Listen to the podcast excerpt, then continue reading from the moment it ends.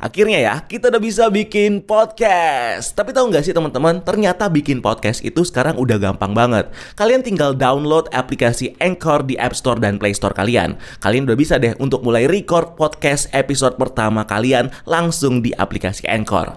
Bahkan kalian juga bisa edit podcast kalian langsung loh. Di aplikasi Anchor, podcast kamu bakal didistribusikan ke podcast streaming platform seperti Spotify, Apple Podcast, dan masih banyak lagi. Dan yang pasti, gratis. So yuk download aplikasi Anchor di App Store dan Play Store kalian atau kunjungi www.anchor.fm. Selamat bikin podcast. Hey Scrolls, welcome to Breakdown Channel Universe.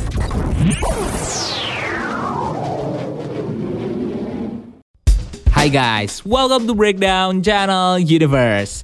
Film Mortal Kombat jadi salah satu film adaptasi game terbaik di tahun 2021 ini.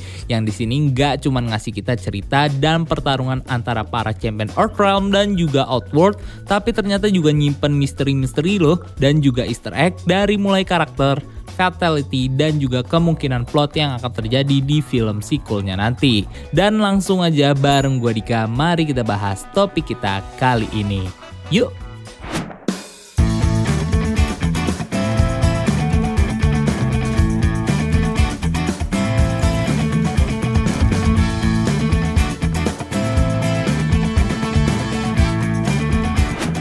Kita mulai pembahasan kita kali ini dari scene awal film ini yang menunjukkan kita pertarungan antara Hanzo Hasashi dan juga Bihan yang datang bersama pasukan Lin Kuei untuk membantai seluruh klan Shirarayu termasuk Hanzo dan juga seluruh keluarganya.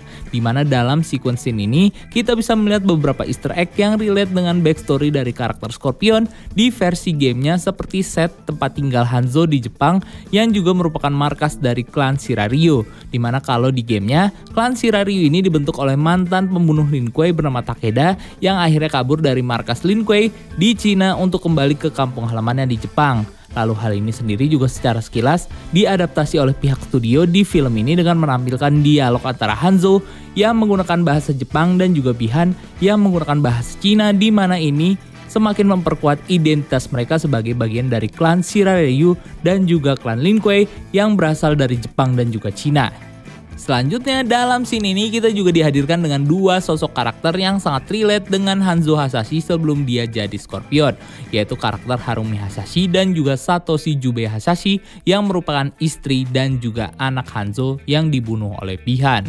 Nah, sebelum Hanzo berhadapan dengan para pembunuh Lin Kuei dan juga Bihan, di sana kita bisa melihat Hanzo yang menjatuhkan beberapa ember air yang akan dia kasih ke istrinya Harumi, di mana ember ini sendiri merupakan referensi dari film Mortal Kombat sebelumnya saat Liu Kang menggunakan seember air untuk mengalahkan Sub-Zero dalam pertarungan.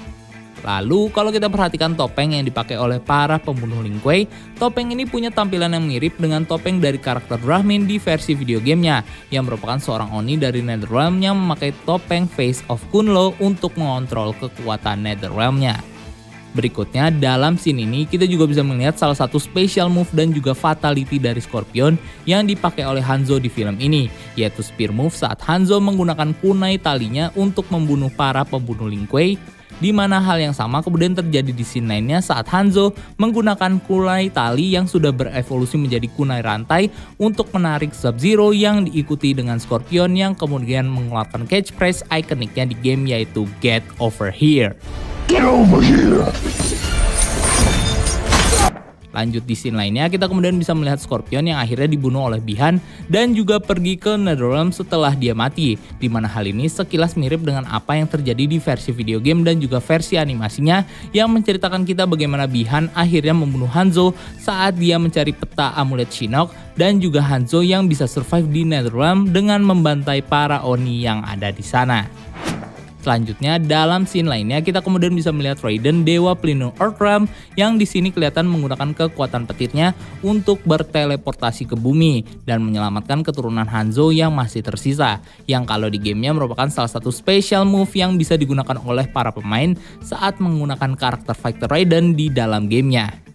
Berikutnya, scene kemudian berlanjut dengan menampilkan title film Mortal Kombat yang memiliki transisi mirip dengan title yang keluar di film live action Mortal Kombat pertama dan juga Mortal Kombat kedua, Annihilation. Selanjutnya, di scene lainnya kita kemudian bisa melihat Major Jack, salah satu karakter game dan juga champion dari Earthrealm yang bertemu dengan main karakter di film ini, yaitu Cole Yang merupakan keturunan dari Hanzo Hasashi. Di mana di scene ini kita bisa melihat Cole Yang memakai sarung tangan dan juga aksesoris gelang dari anaknya yang punya warna kuning hitam yang merupakan warna simbol dari klan Shiraryu yang ada dalam darah Cole Yang. Di mana dalam pertemuan mereka kita kemudian bisa mendengar Jax yang memanggil Cole Yang sebagai petarung yang berhasil merebut gelar juara juara dari Eddie Tobias, di mana nama ini sendiri kalau kita perhatikan merupakan akronim dari kreator franchise Mortal Kombat, yaitu Ed Boon dan juga John Tobias yang kemudian disingkat jadi Eddie Tobias. Cole Young, the man that took the belt from Eddie Tobias. Yeah, that was a long time. Selanjutnya di scene lainnya kita kemudian bisa melihat sosok Dihan alias Sub-Zero yang bertemu dengan Seng Sang di Outward di mana Outward sendiri di film ini punya tampilan yang mirip seperti di gamenya sebagai wilayah yang tandus dan juga penuh dengan batu-batu tajam. Lalu di scene lainnya kita kemudian bisa melihat Sub-Zero yang kemudian bertarung dengan Jax yang berusaha melindungi Cole Yang dan juga keluarganya. Di mana pertarungan ini kemudian berakhir dengan kekalahan Jax yang tangannya dihancurkan oleh Sub-Zero dengan kekuatan esnya yang sekilas punya tampilan mirip dengan special move dan juga fatality dari Sub-Zero yaitu Ice Arm saat Sub-Zero membekukan tangan lawannya. Selain itu, kalau kita lihat di versi video gamenya, tangan Jack sendiri bisa hancur bukan dihancurkan oleh Sub-Zero, melainkan salah satu petarung dari Shang Tsung yaitu Ermac yang menghancurkan tangan Jax dengan menggunakan kekuatan telekinetiknya. Sampai akhirnya di film ini Jack sendiri bisa diselamatkan oleh Liu Kang dan para biksu dari Quill Order of Light yang kemudian mengganti tangan Jax dengan tangan mekanik di mana tangan ini kemudian berevolusi jadi tangan cybernetik saat Jax mendapatkan kekuatan arkananya yang punya tampilan mirip seperti tangan Jax di versi video gamenya. Berikutnya di scene lainnya kita kemudian bisa melihat Cole Yang yang akhirnya bertemu dengan Sonya dan membicarakan soal turnamen Mortal Kombat di markas rahasianya. Di mana kalau kita perhatikan secara lebih detail di belakang mereka, kita bisa lihat papan investigasi dari Sonya yang berisi banyak gambar easter egg dari para karakter video game di Mortal Kombat seperti karakter Nightwolf yang di sini digambarkan sama seperti di versi video gamenya sebagai kesatria dan juga shaman dari suku Matokan yang kalau di gamenya punya kekuatan untuk memanipulasi kekuatan alam dan juga roh leluhurnya. Berikutnya, di gambar lainnya, kita kemudian ditunjukkan dengan easter egg patung Dewa Matahari suku Inka yang punya tampilan mirip seperti Kotal Khan, karakter di Mortal Kombat X yang diceritakan sebagai penguasa dari Outworld setelah Shao Kahn mati di Mortal Kombat 9. Dan terakhir di antara gambar ini kita juga bisa melihat sekilas sosok Centaur yang kalau di gamenya merefer pada karakter Motaro, salah satu pengawal dari Shao Kahn saat dia masih menjadi kaisar dari Outworld. Selanjutnya, di scene lainnya kita kemudian ditunjukkan dengan kemunculan karakter reptile dari game Mortal Kombat yang kemudian bertarung dengan Keno, Sonya, dan juga Cole Yang. Di mana kalau di film ini, karakter reptile disebut dengan nama aslinya yang ada di gamenya yaitu Saizot yang diceritakan sebagai pembunuh dari Shang Tsung dan ditugaskan untuk membunuh para champion Earthrealm. Nah, di film ini karakter Saito sendiri digambarkan memiliki kekuatan yang sama seperti Reptile di versi gamenya yang punya kekuatan untuk menjadi tidak terlihat, mengeluarkan asam dan juga menjulurkan lidah panjangnya.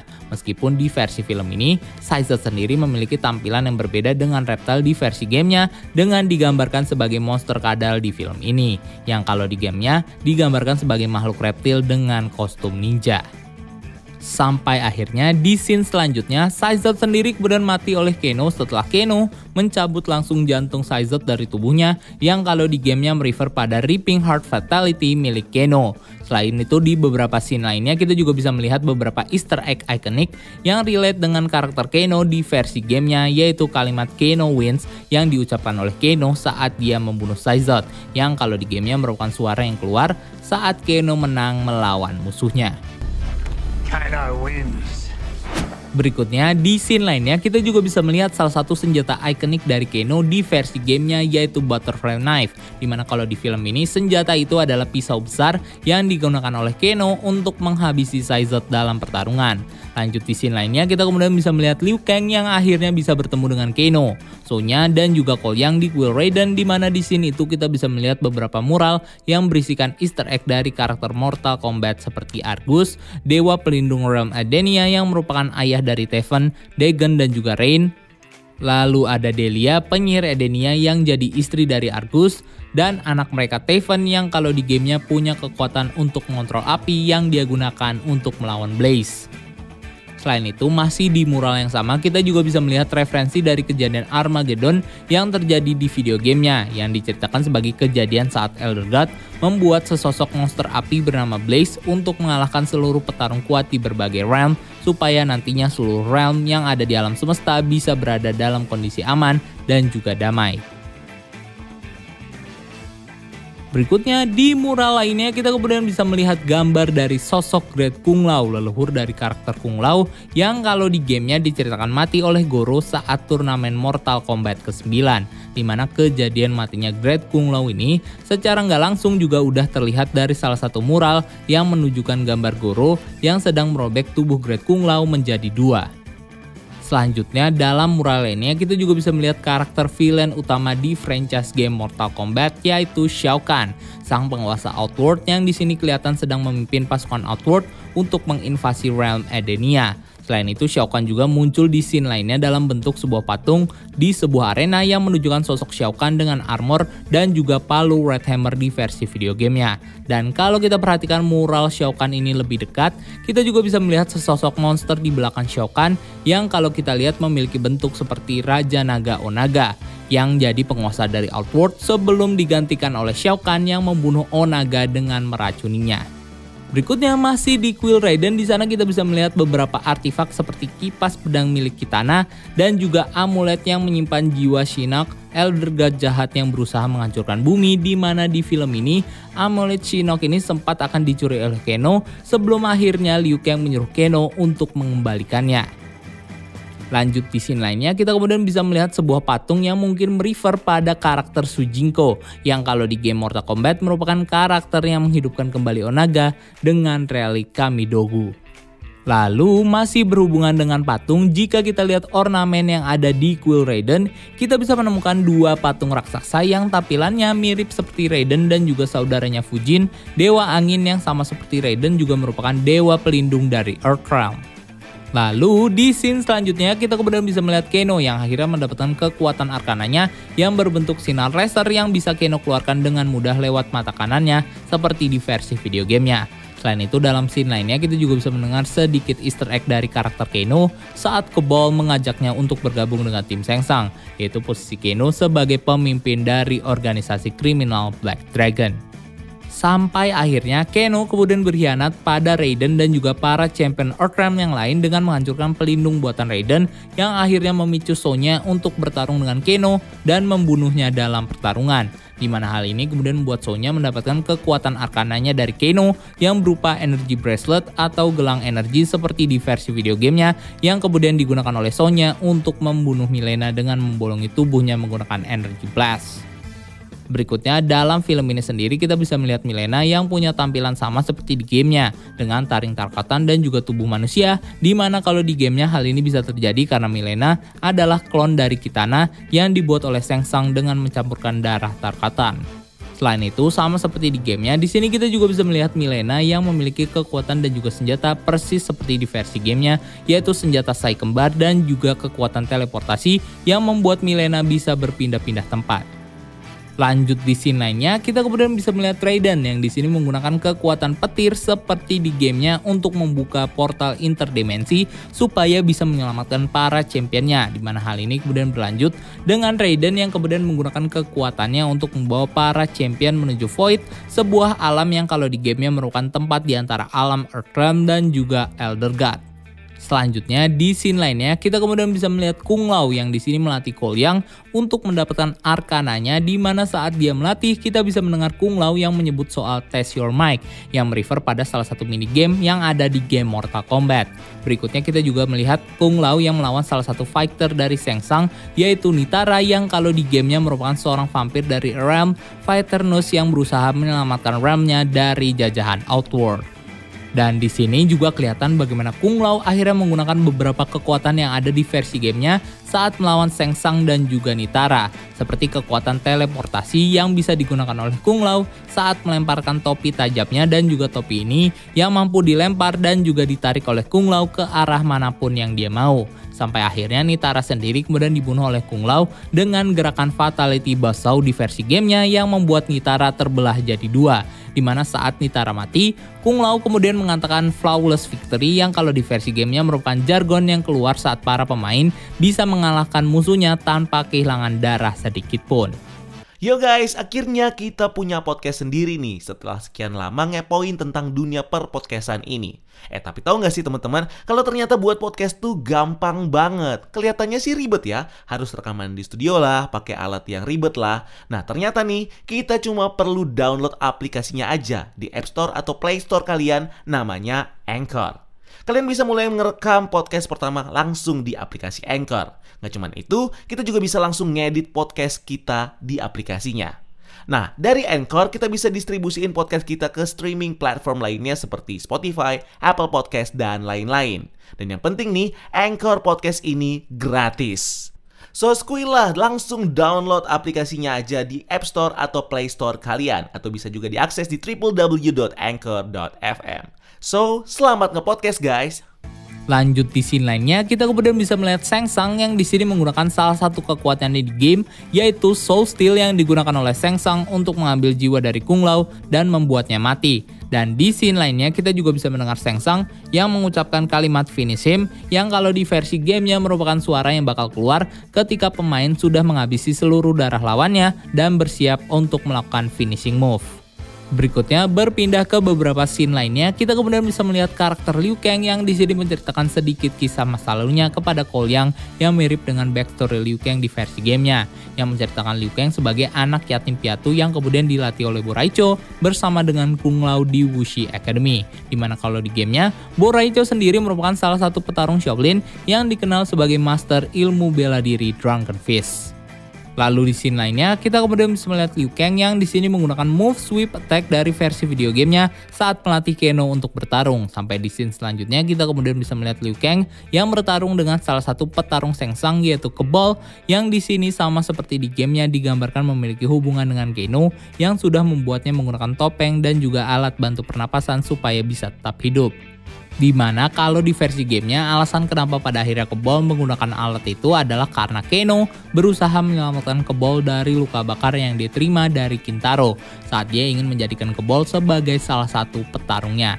Nah saat bertarung dengan Liu Kang, di sini kita sendiri bisa melihat Kebol yang menggunakan senjata ikoniknya dari game yaitu Hook Sword dan juga kekuatan Raging Flash atau kemampuan bergerak dengan cepat yang merupakan kekuatan arkana dari Kebol di film ini di mana Liu Kang di sini kemudian melawan Kebol dengan menggunakan salah satu special move-nya di versi video game yaitu Bicycle Kick dan diakhiri dengan Liu Kang yang menggunakan gerakan Fatality Dragon Flame saat membunuh Kebol. Di mana saat menggunakan jurusnya ini kita bisa mendengar Liu Kang yang mengucapkan kalimat ikonik dari game Mortal Kombat yaitu Fatality yang di film ini diucapkan oleh Liu Kang sebagai bentuk tribut kepada Kung Lao. Bahkan di scene ini kita juga bisa melihat Liu Kang yang begitu menghormati Kung Lao dengan memakai kain merah yang selalu dipakai oleh Kung Lao sebagai ikat kepalanya yang membuat Liu Kang di sini jadi semakin mirip dengan versi video gamenya yang selalu digambarkan dengan ikat kepala merah di dahinya. Lalu di scene lainnya kita kemudian bisa melihat Jax yang di sini bertarung dengan karakter Rico yang di film ini diceritakan sebagai salah satu jenderal dari Outworld sama seperti di versi gamenya. Dan di sini kita bisa melihat Reiko yang menggunakan salah satu senjata ikoniknya di video game yaitu palu Right Hammer yang sekilas mirip dengan palu Right Hammer milik Shao Kahn. Tapi sayangnya di film ini kita sendiri tidak ditunjukkan dengan kekuatan spesial yang dimiliki oleh Reiko selain kekuatan super strength-nya padahal kalau di versi video gamenya Reiko sendiri memiliki kekuatan teleportasi dan juga memanipulasi bayangan sama seperti karakter Noob Saibot di versi game Mortal Kombat. Nah, di sini Jack sendiri melawan Reiko di sebuah arena yang tampilannya sangat mirip dengan salah satu arena di Outworld di game Mortal Kombat yaitu The Pit. Di mana di sinilah Jack kemudian menggunakan kekuatan tangan cyborgnya untuk membuat Reiko sekarat dan melakukan gerakan yang persis seperti di gamenya yang kemudian dilanjutkan oleh Jax dengan menggunakan move Head Smashing Fatality dari versi gamenya untuk membuat kepala Reiko hancur seketika. Lanjut di scene lainnya, kita kemudian bisa melihat karakter Kolyang yang akhirnya bisa mendapatkan kekuatan arkananya yang memiliki bentuk armor dengan senjata tonfa dan juga pedang di tangannya yang kelihatan sangat mirip dengan pedang yang dimiliki oleh karakter Baraka di versi video gamenya. Nah, armor core yang sendiri di sini memiliki kekuatan untuk menyerap energi kinetik dari serangan lawannya yang mirip-mirip dengan kekuatan suit Panther Habit yang dimiliki oleh King T'Challa saat menjadi Black Panther di mana armor ini kemudian digunakan oleh Kolyang untuk mengalahkan salah satu champion dari Outworld yaitu Goro yang di sini digambarkan mirip seperti versi video gamenya sebagai monster besar dengan empat tangan. Bahkan di scene sebelumnya kita juga bisa mendengar Sengseng yang sedikit mentis tentang siapa itu Goro yang kalau di film ini dan juga gamenya diceritakan sebagai pangeran dari Rashokan, salah satu ras petarung di Outworld yang merupakan spesies manusia setengah naga. Lalu dalam scene selanjutnya kita kemudian bisa melihat Scorpion yang muncul untuk membantu Cole yang dalam pertarungannya melawan Sub-Zero. Di mana di scene ini kita bisa melihat bagaimana Sub-Zero menggunakan berbagai macam kekuatan dan juga special move seperti di versi gamenya untuk melawan Scorpion. Seperti pedang es Cory Blade yang digunakan oleh Sub-Zero untuk menebas Scorpion, Ice Wall atau tembok es yang dibuat oleh Sub-Zero sebagai tempat untuk melempar Scorpion, dan juga Ice Clone yang digunakan oleh Sub-Zero untuk menghindari serangan Scorpion. Nah, sebelum Sub-Zero mati oleh Scorpion dalam pertarungan ini, kita bisa mendengar Sub-Zero yang selalu mengatakan for the Lin Kuei yang merupakan salah satu jargonnya di game Mortal Kombat yang selalu diucapkan oleh Sub-Zero sebagai bentuk penghormatannya pada klannya. Selain itu di sini ini juga kita bisa melihat Sub-Zero yang memiliki baju ninja hitam di balik armornya yang di sini sepertinya merupakan reference dari karakter Noob Saibot, bentuk lain dari karakter Bihan setelah dia dibunuh oleh Scorpion yang mungkin saja bakal muncul di film sequel Mortal Kombat. Dan akhirnya pertarungan ini kemudian selesai dengan Scorpion yang melakukan gerakan Fatality ikonik di versi gamenya, yaitu Toasty Fatality yang merupakan gerakan saat Scorpion membakar lawannya sampai mati dengan api neraka. Di mana sama seperti di gamenya, saat Scorpion menggunakan Toasty Fatality, kita bisa melihat Scorpion yang sekilas berubah jadi tengkorak saat menyemburkan api neraka ini. Lalu setelah Scorpion bisa menghabisi Sub-Zero dan juga menyelamatkan Cole yang beserta keluarganya, Scorpion juga menggunakan salah satu special move-nya di game yaitu Fire Teleportation yang digunakan oleh Scorpion untuk kembali lagi ke Netherrealm tempat dia berasal di mana sesaat sebelum Scorpion berteleportasi ke Netherrealm, kita bisa mendengar suara samar yang memanggil Hanzo Hasashi Scorpion yang sepertinya merupakan suara dari Quan Chi, penyihir Netherrealm yang bisa jadi membangkitkan Scorpion di film ini sama seperti yang terjadi di gamenya.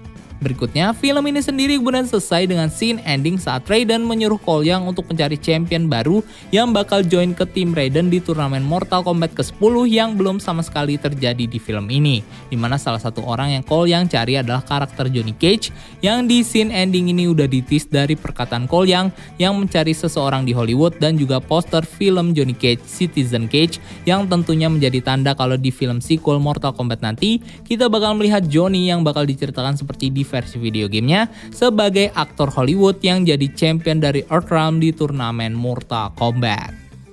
Dan terakhir, film ini akhirnya ditutup dengan menunjukkan kita logo naga dari franchise Mortal Kombat dan juga musik Techno Syndrome yang mengadaptasi soundtrack dari dua film sebelumnya, yaitu Mortal Kombat dan juga Mortal Kombat Annihilation.